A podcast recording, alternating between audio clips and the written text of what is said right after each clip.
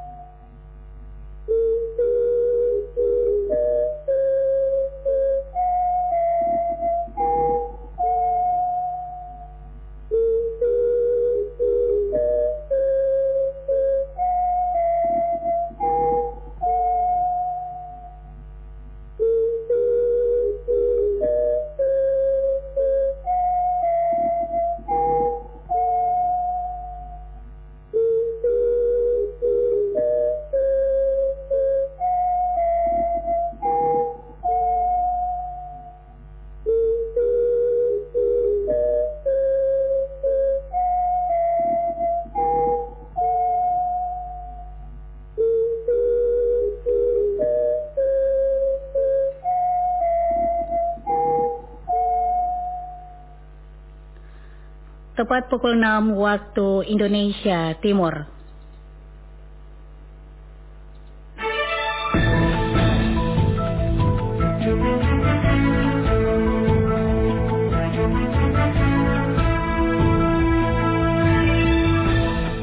Radio Republik Indonesia Fak-Fak dengan suara redaksi.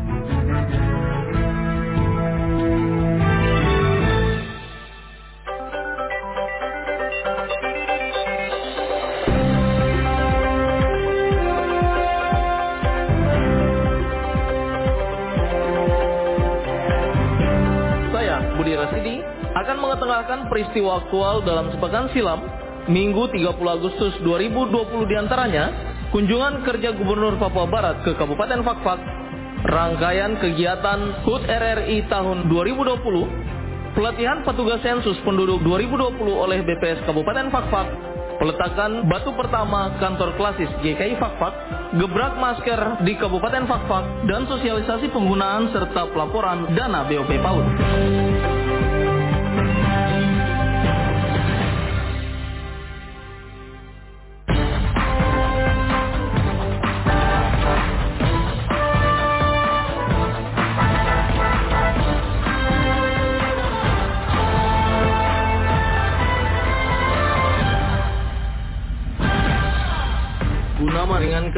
Hidup masyarakat di masa pandemi COVID-19, pemerintah provinsi terus menyalurkan sejumlah bantuan seperti halnya penyerahan bantuan program Tangan Kasih Provinsi Papua Barat bagi pekerja sektor formal dan informal di Kabupaten Fakfak yang diserahkan langsung Gubernur Domingus Mandecan di Wintertuare. Ketika memberikan arahannya, gubernur mengatakan pemberian bantuan tersebut tidak hanya kepada pekerja formal yang telah di PHK atau dirumahkan, melainkan juga kepada pekerja informal yang merupakan kelompok pekerja mandiri seperti tukang ojek, supir, pedagang sayur, petani atau nelayan, pedagang kelontongan, serta profesi mandiri lainnya program eh, tangan kasih pemerintah Provinsi Papua Barat kepada pekerja formal dan informal yang di PHK kan ataupun dirumahkan. Yang informal itu juga ada tukang ojeknya, ada dagang kelontongnya, ya mama-mama yang punya pondok-pondok jualan, ya berdasarkan data yang kami eh, terima melalui dinas tenaga kerja dan transmigrasi di kabupaten kota dengan demikian, dana secara keseluruhan untuk uh, penanganan dampak ekonomi tadi tadi sebesar 58 miliar 170 juta 600 ya dengan sasaran secara keseluruhan yang kita tangani semua kabupaten kota di Papua Barat itu ada 32.317 orang di semua kabupaten kota di Papua Barat. Kemudian untuk Papua 2.034 orang kita memberikan tiga bulan dalam tahun 2020 ini. Bulan April, Mei, dan Juni. Ini baru hari ini bulan Agustus ya, baru kita serahkan. Jadi total buku tabungan yang nanti diserahkan atau diterima oleh pekerja formal informal itu dalam buku itu akan tercatat satu juta delapan ratus ribu rupiah ya, kepada 2034 orang. Ya, kemudian ya tadi saya lupa untuk eh, Bama atau jaringan pengaman sosial tadi ya secara total seluruhnya tadi yang 38 ribuan itu tapi khusus untuk Papa ya khusus Papa gimana? Sama yang tahap pertama juga sama. Tahap kedua ini juga sama melalui lembaga keagamaan. Ada 5.649 paket. Jadi berdasarkan data untuk Bama ini kita sudah berhitung bahwa di semua kabupaten kota di Papua Barat provinsi bisa menjawab 25 persennya.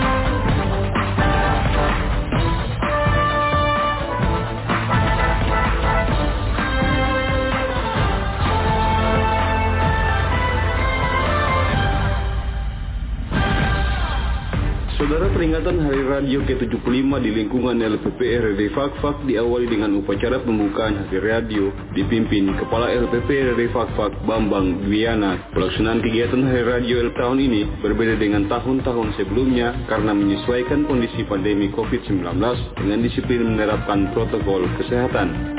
Kepala RRI Fakfak Bambang Dwiana mengungkapkan rangkaian kegiatan yang akan dilaksanakan diharapkan dapat mendekatkan rasa persaudaraan antar angkasawan angkasawati di lingkungan RRI Fakfak.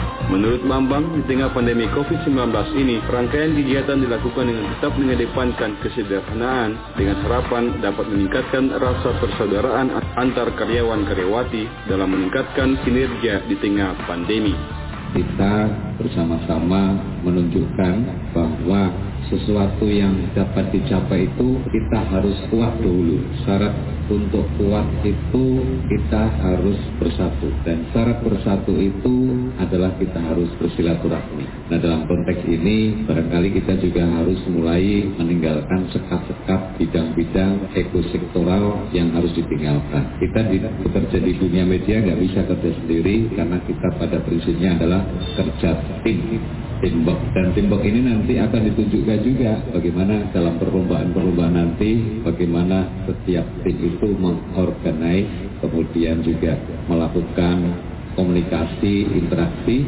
sehingga akan mendapatkan hasil yang baik.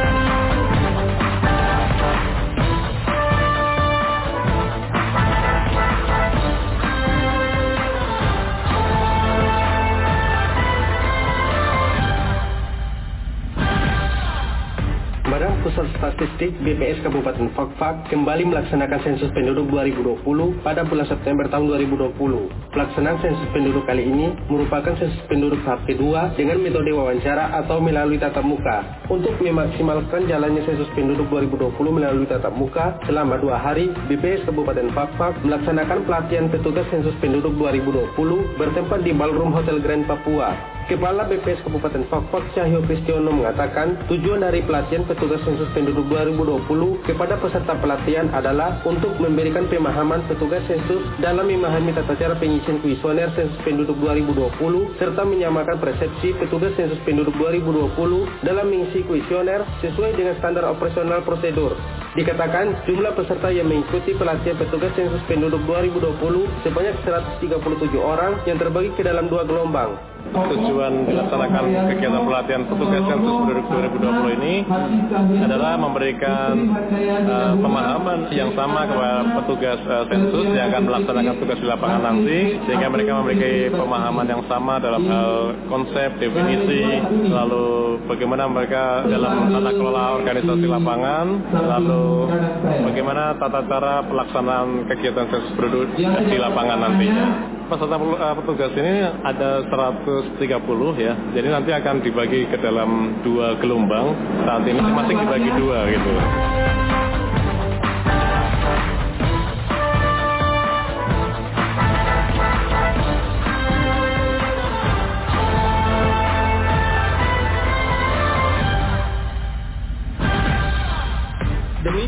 Peningkatan pelayanan yang optimal kepada umat GKI di Kabupaten Fakfak, maka kemarin Gubernur Papua Barat Domingus Mandacan telah melakukan peletakan batu pertama gedung kantor klasis GKI Fakfak yang berada di areal air merah. Ketika berbicara di hadapan umat GKI, Gubernur mengatakan, untuk menyelesaikan pembangunan kantor klasis ini, umat perlu bergandeng tangan, sehingga pelaksanaan dapat berjalan lancar hingga penyelesaiannya nanti. Diungkapkan, bantuan yang diberikan pemerintah Provinsi Papua Barat melalui programnya terus disalurkan kepada agama-agama yang ada di Papua Barat. Kita hari ini akan melaksanakan peletakan batu pertama pembangunan kantor klasik GKI Fakfat sesuai dengan program dan kebijakan yang ada melalui visi misi pemerintah Provinsi Papua Barat yang membangun dengan hati, mempersatukan dengan kasih. Kita wujudkan Papua Barat yang aman, sejahtera dan bermartabat. Nah, dengan demikian kami telah dari tahun ke tahun memberikan dukungan, memberikan support sesuai dengan program dan kebijakan yang ada, sesuai dengan kemampuan keuangan yang ada, kami alokasikan untuk membantu. Berarti menjadi tanggung jawab kita semua, baik pemerintah Provinsi Papua Barat, pemerintah Kabupaten Papua.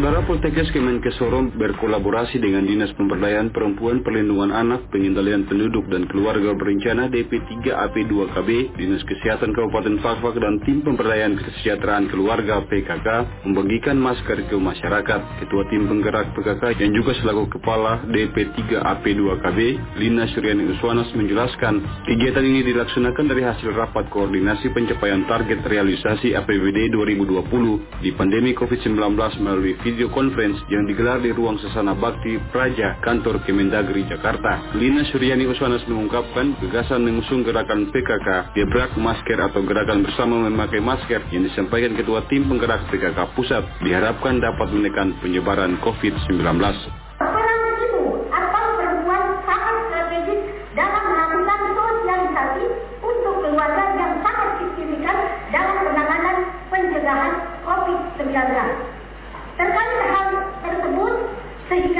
Sehingga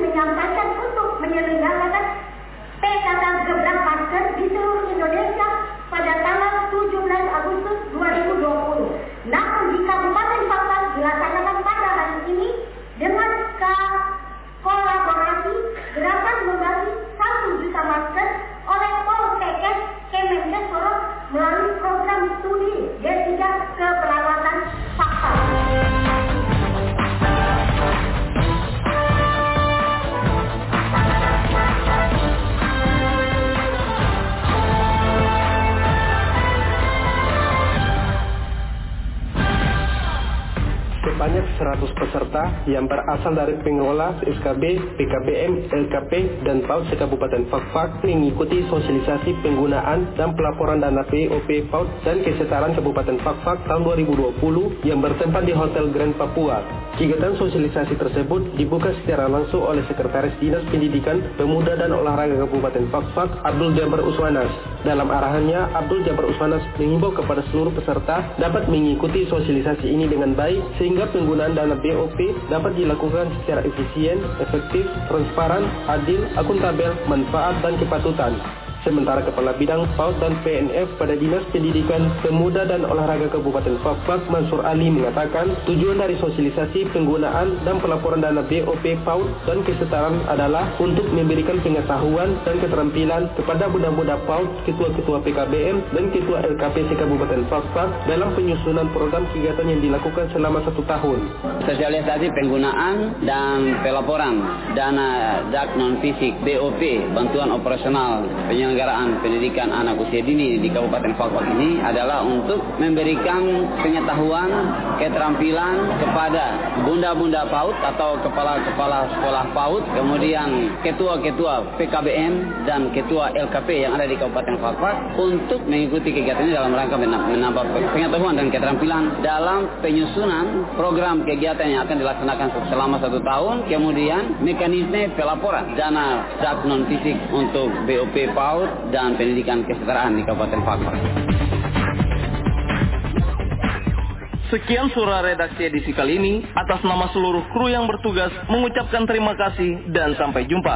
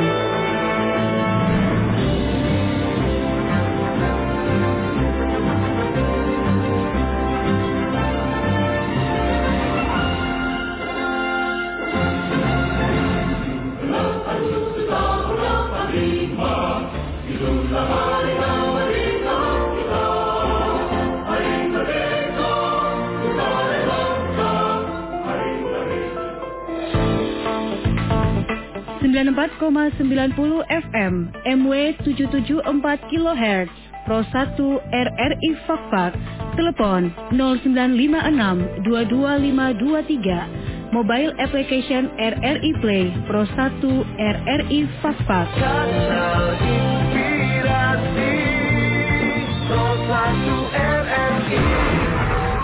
Lima arahan Presiden soal penerapan adaptasi kebiasaan baru yakni pentingnya prakondisi yang ketat, yakni protokol kesehatan yang harus diikuti masyarakat seperti menggunakan masker dan lain-lain. Perhitungan yang cermat dan mengambil kebijakan berdasarkan data dan fakta di lapangan. Menentukan prioritas sektor dan aktivitas mana yang bisa dimulai atau dibuka secara bertahap konsolidasi dan koordinasi pemerintah pusat dan daerah sampai ke tingkat RT terus diperkuat dengan melibatkan masyarakat bersinergi menyelesaikan persoalan besar ini. Melakukan evaluasi secara rutin meskipun sebuah daerah kasus barunya sudah menurun. Jangan lengah karena kondisi di lapangan sangat dinamis.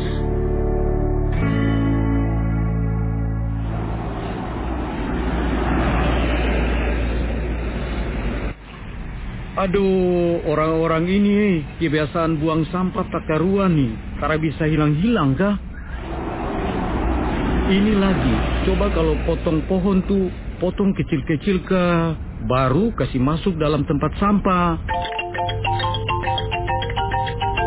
Eh, kok sepi baru kok terbuang kok sampah-sampah ini kah? Ah, nanti saja, saya sudah terlambat ini. Makanya, sampah tuh kasih keluar sebelum jam 7, biar petugas tuh dong ambil tuh.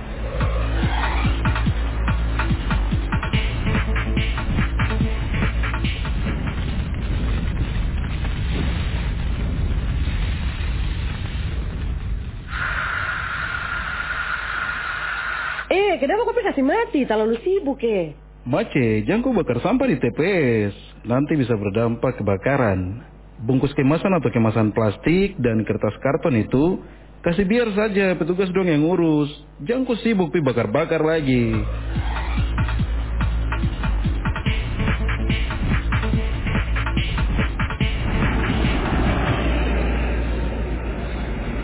Ah, terhadap tempat sampah tuh. Buang di sini saja sudah eh.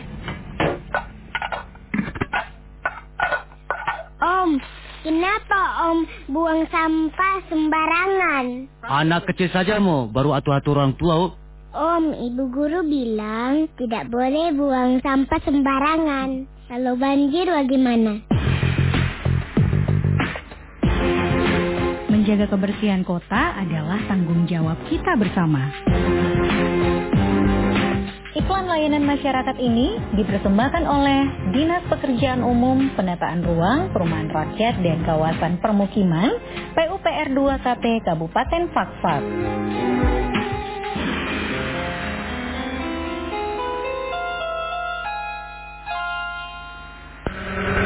Channel ini bisa didengarkan dengan kualitas audio lebih baik. Download aplikasi RRI Playgo di smartphone.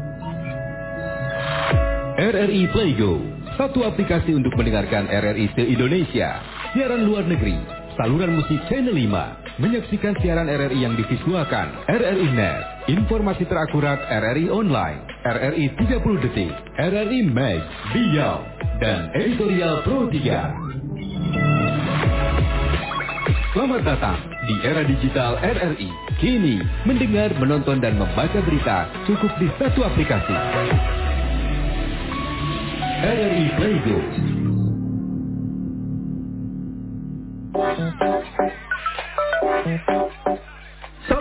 Ini lokasi yang saya mau bangun rumah sekaligus untuk tempat usaha. Bagaimana? Cocok toh? Wah, cocok sekali. Tinggal kok urusi IMB, izin mendirikan bangunan, terus mulai bangun sudah nih. Ah, Saputa, nah ini mulai dari Ketondo Badiri ini, wah sampai di sebelah jalan sana. Mau urus IMB bikin apa? Sertifikat lengkapmu. Walaupun kok putana sobat, tapi membangun itu diatur oleh pemerintah. Apalagi di pinggir jalan dan mau buka tempat usaha. Ada aturan jaraknya antara jalan dan bangunan untuk tempat parkir. Ah, nanti selesai membangun baru lapor pemerintah toh. Supaya jangan terlalu terputar bikin lama saja. Sobat, IMB itu diurus sebelum membangun, bukan setelah membangun, supaya tidak terjadi kesalahan dalam membangun. Jadi, kau tinggal ambil persyaratan di perizinan. Kalau tidak paham masalah teknis, lebih baik kau konsultasi ke Dinas Pekerjaan Umum saja. Oh, begitu eh. Aduh, terima kasih lagi sobat. Persembahan Dinas Pekerjaan Umum, Penataan Ruang, Perumahan Rakyat dan Kawasan Permukiman PUPR 2KB, Kabupaten Fakfak. Radio Republik Indonesia Fakfak, Radio Tangga Bencana COVID-19. Masih bersama dengan kami Radio Republik Indonesia, Fakfak, Radio Tangga Bencana COVID-19 Indonesia, Tatanan Kehidupan Baru, melalui pemancar FM 94,9 MHz dan pemancar MW 774 kHz. Pendengar di mana pun berada, tepat di studio sudah menunjukkan jam 6.21 menit ya. Selamat pagi bagi Anda yang baru bergabung bersama dengan kami di Pro 1 RRI Fakfak. Semoga dengan suasana pagi hari yang uh, begitu indah ya.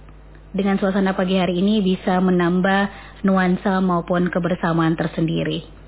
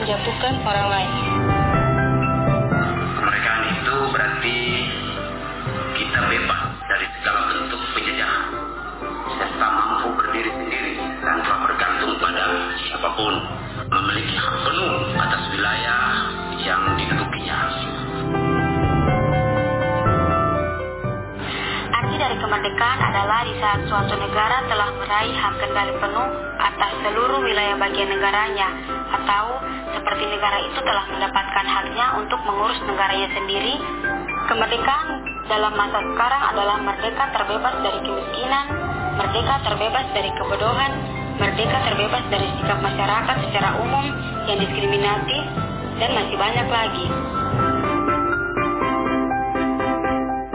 Kemerdekaan itu adalah pencapaian kebebasan, di mana kita memiliki kesempatan untuk berpikir dan melakukan hal yang kita sukai, namun tidak mengutamakan hak istimewa atau yang spesial. Karena cukup dengan kesederhanaan, kita sudah bisa menggapai kebebasan yang kita inginkan.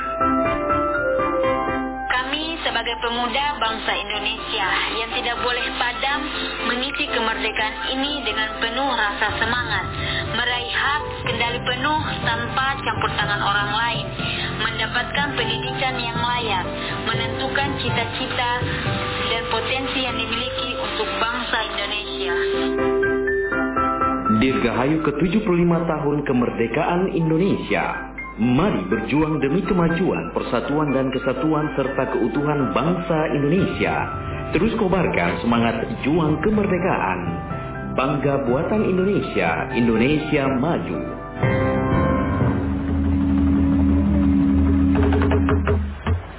Anda masih bersama RRI Fakfak Program 1. Format stasiun informasi, pendidikan, budaya, dan hiburan.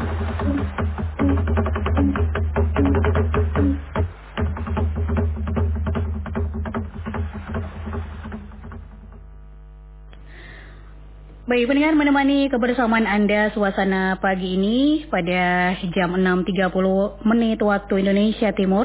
Kami mohon perhatian Anda untuk mengikuti ruang layanan masyarakat.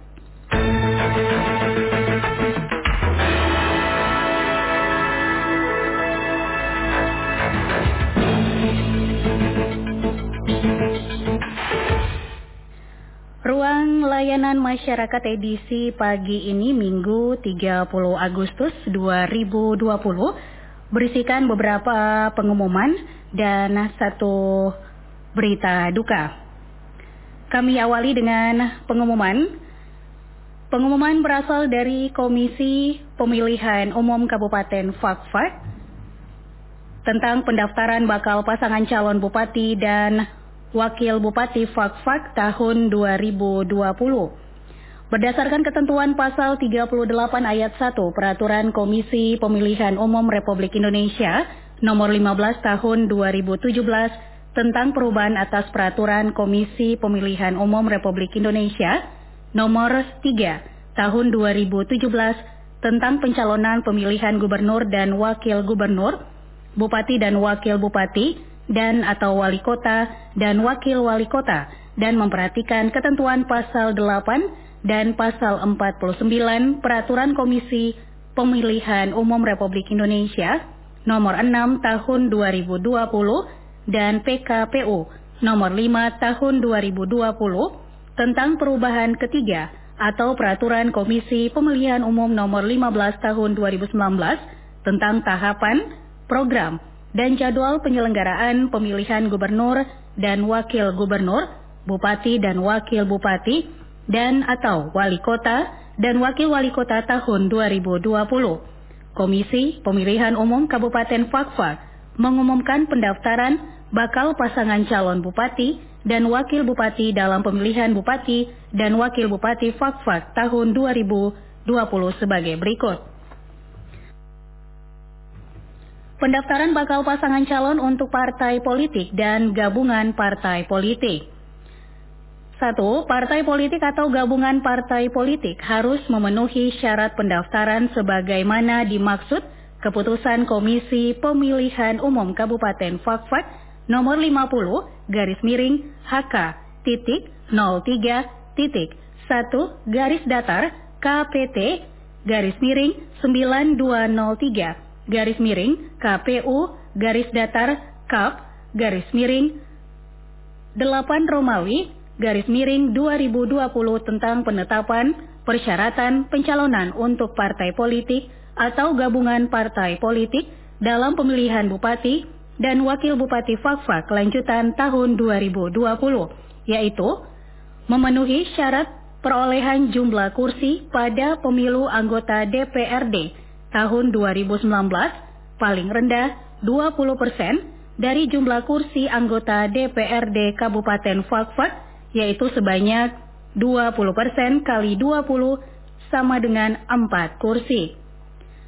Memenuhi syarat perolehan jumlah seluruh suara sah pada pemilu anggota DPRD tahun 2019 paling rendah 25 persen dari rekapitulasi perolehan jumlah suara sah pada pemilu anggota DPRD Kabupaten Fakfak, yaitu sebanyak 25 persen kali 41.524 sama dengan 10.381 suara sah. Dalam hal ya, maksud kami, dalam hal partai politik atau gabungan partai politik menggunakan ketentuan sebagaimana dimaksud pada huruf B dalam mendaftarkan bakal pasangan calon, ketentuan ini hanya berlaku bagi partai politik atau gabungan partai politik yang memiliki kursi di DPRD Kabupaten Fakfak hasil pemilu tahun 2019. Dua, dalam hal partai politik atau gabungan partai politik mendaftarkan bakal pasangan calon wajib menyerahkan atau melampirkan dokumen syarat pencalonan dan syarat calon sebagaimana diatur dalam ketentuan pasal 4 dan pasal 5 Peraturan Komisi Pemilihan Umum nomor 3 tahun 2017 sebagaimana telah beberapa kali diubah terakhir dengan Peraturan Komisi Pemilihan Umum nomor 1 tahun 2020 pendaftaran melalui jalur perseorangan atau independen. Persyaratan pencalonan dari jalur perseorangan adalah bakal pasangan calon perseorangan dengan jumlah dukungan dan sebaran yang telah dinyatakan memenuhi syarat pada tahap pemenuhan persyaratan dukungan pasangan calon perseorangan.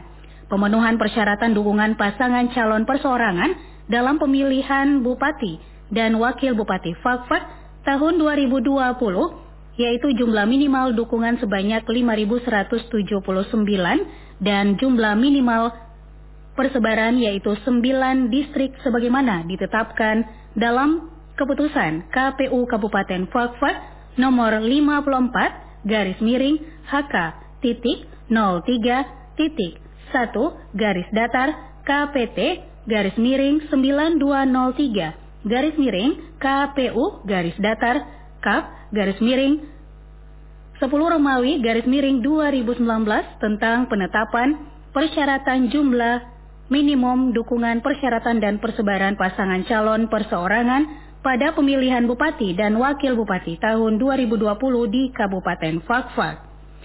Waktu dan tempat pendaftaran bakal pasangan calon. 1.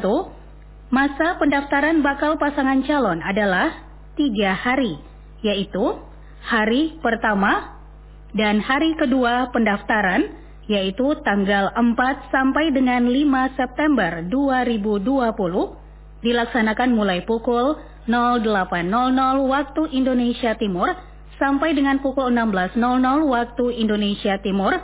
Dan hari ketiga pendaftaran yaitu tanggal 6 September 2020 dilaksanakan mulai pukul 08.00 waktu Indonesia Timur sampai dengan pukul 24.00 waktu Indonesia Timur.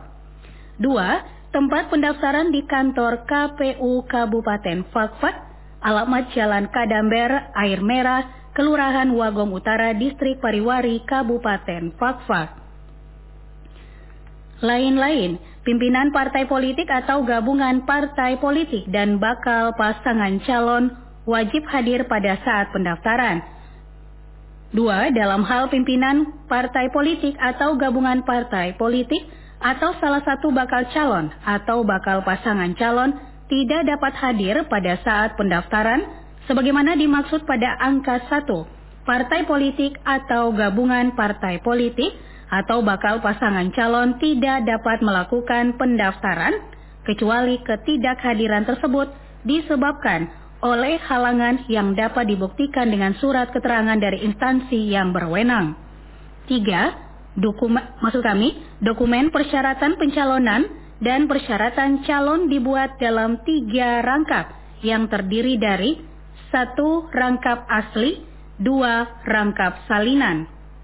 Empat, dokumen persyaratan pencalonan dan persyaratan calon sebagaimana dimaksud pada angka tiga dimasukkan ke dalam map dan ditulis dengan huruf kapital nama pasangan calon dan partai politik atau gabungan partai politik. 5. Penyampaian dokumen sebagaimana dimaksud pada angka 3 dilakukan dengan melaksanakan protokol kesehatan pencegahan dan pengendalian coronavirus Desait 2019 COVID-19, yaitu berkas, dokumen, dan atau perlengkapan secara fisik yang disampaikan dibungkus dengan bahan yang tahan terhadap zat cair. Mengenakan alat pelindung, yang maksud kami mengenakan alat pelindung diri berupa masker yang menutupi hidung dan mulut hingga dagu dan sarung tangan sekali pakai.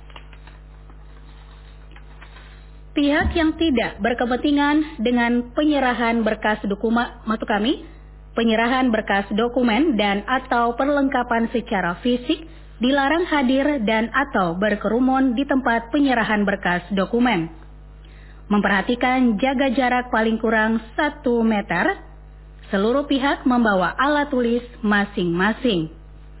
6.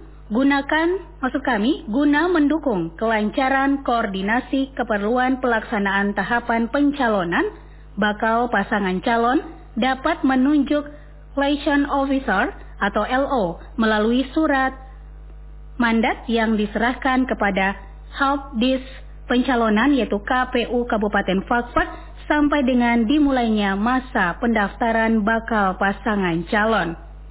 7. Formulir syarat pencalonan dan syarat calon serta informasi terkait pendaftaran bakal pasangan calon dapat diperoleh di Desk Pencalonan Pemilihan Bupati dan Wakil Bupati Fakfak tahun 2020 yang beralamatkan di Jalan Kandamber Air Merah, Kelurahan Wagom Utara, Distrik Pariwari, Kabupaten Fakfa. Demikian pengumuman ini untuk diketahui atas perhatiannya disampaikan terima kasih. Pengumuman selanjutnya berasal dari Kepala Dinas Transmigrasi dan Tenaga Kerja Kabupaten Fakfak ditujukan kepada para pekerja formal dan informal penerima bantuan program Tangan Kasih dan pemerintah Provinsi Papua Barat. Isi pengumuman, bantuan program pasca kerja melalui kegiatan Tangan Kasih dari pemerintah Provinsi Papua Barat kepada pekerja formal dan informal di Kabupaten Fakfak, penyerahan secara simbolis sudah diserahkan oleh Bapak Gubernur Papua Barat di Winder Tuare Fakfak pada hari Jumat tanggal 28 Agustus 2020. Dua, Bank Penyalur untuk Kabupaten Fakfak melalui Bank Mandiri Cabang Fakfak, BRI Cabang Fakfak, dan BNI 1946 Fakfak. Tiga, para penerima agar mengecek nama dan nomor nomor urutnya di kantor yang kami sebutkan di atas apabila pihak bank sudah menempel di papan pengumuman.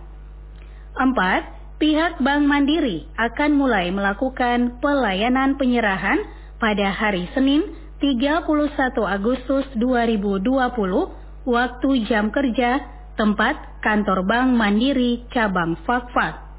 Untuk hari pertama melayani nama-nama penerima bantuan yang huruf awalnya A, B, dan C Sedangkan untuk jadwal hari berikutnya akan diatur dan diumumkan oleh pihak Bank Mandiri. 5. Pihak Bank Rakyat Indonesia BRI akan mulai melakukan pelayanan penyerahan pada hari Selasa 1 September 2020 waktu jam kerja bank tempat kantor Bank Rakyat Indonesia BRI cabang Fakfak. Untuk pengaturan jadwal atau pembagian nama-nama penerima akan diatur lebih lanjut oleh pihak Bank Rakyat Indonesia BRI cabang Fakfak. 6. Pihak BNI 1946 akan mulai melakukan pelayanan penyerahan pada hari Selasa 1 September 2020 waktu jam kerja bank tempat kantor BNI Fakfak. Untuk pengaturan jadwal atau pembagian nama penerima akan diatur lebih lanjut oleh pihak BNI 1946 Fakfak. 7. Persyaratan para penerima Penerima datang sendiri, tidak boleh dikuasakan. Membawa KTP asli, menandatangani surat pernyataan belum pernah menerima bantuan tunai dari yang bersumber dari dana APBN maupun APBD seperti dana desa dan program keluarga harapan PKH dari Kemensos di atas meterai Rp6.000. Dalam kegiatan penyerahan bantuan para pihak memperhatikan protokol kesehatan, wajib memakai masker, mencuci tangan, menjaga jarak. Demikian pengumuman ini dari kami atas perhatian diucapkan terima kasih. Selanjutnya, tentang pemberian dukungan minuman tradisional terpopuler sirup henggi dan surga tersembunyi Torangbek dalam Anugerah Pesona Indonesia, Indonesia 2020. Sehubungan dengan keikutsertakan Kabupaten Fakfa pada ajang Anugerah Pesona Indonesia API atau API tahun 2020 dan mendapatkan dua nominasi sebagai berikut. Satu, kategori minuman tradisional terpopuler sirup henggi, kategori surga tersembunyi Torambek.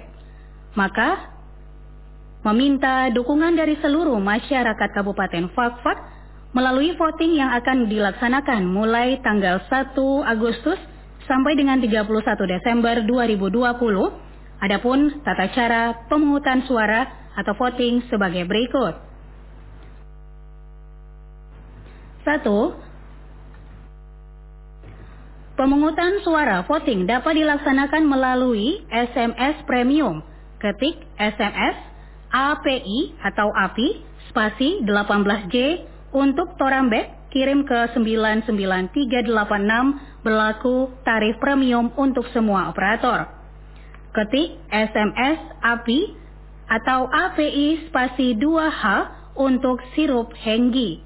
Kirim ke 99386 berlaku tarif premium untuk semua operator. Selanjutnya video pariwisata di YouTube channel API Awards. Kunjungi channel API Awards di youtube.com, masuk ke tab playlist atau video, dan pilih video nominasi yang akan didukung. Klik tombol subscribe dan like. Berikutnya akun Instagram at API Awards Kunjungi halaman Instagram Api Awards di instagram.com, pilih gambar nominasi dan klik tombol like. Demikian disampaikan untuk dilaksanakan. Selanjutnya kami sampaikan berita duka.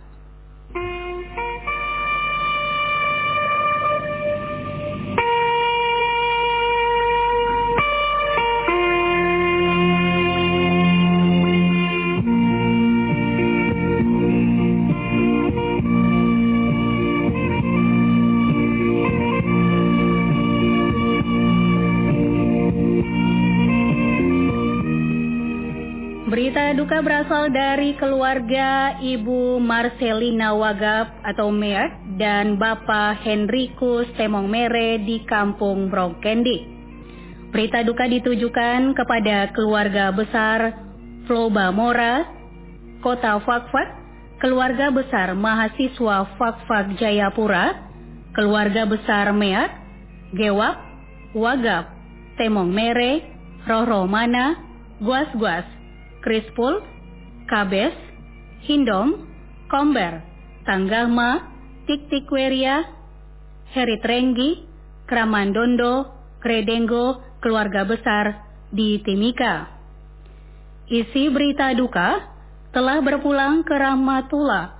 Maksud kami, telah berpulang ke rumah Allah Bapa di sorga, anak, adik, kakak, saudara, ibu, Maria Natalia Meak, anak dari Bapak almarhum Aloysius Meak dan Ibu Marcelina Wagap, istri dari Bapak Immanuel Hendra Temong Mere.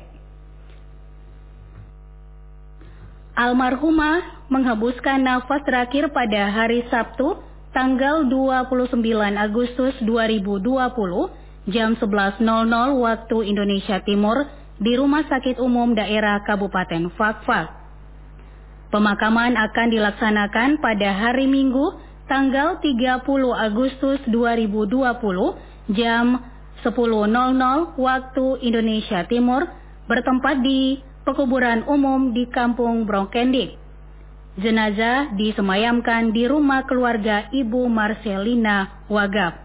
Bagi saudara yang kebetulan tinggal berdekatan dan dengan alamat yang kami sebutkan tadi, mohon bantuannya untuk disampaikan kepada yang bersangkutan. Atas perhatiannya diucapkan terima kasih. Baik pendengar, sekian ruang layanan masyarakat. Selamat pagi.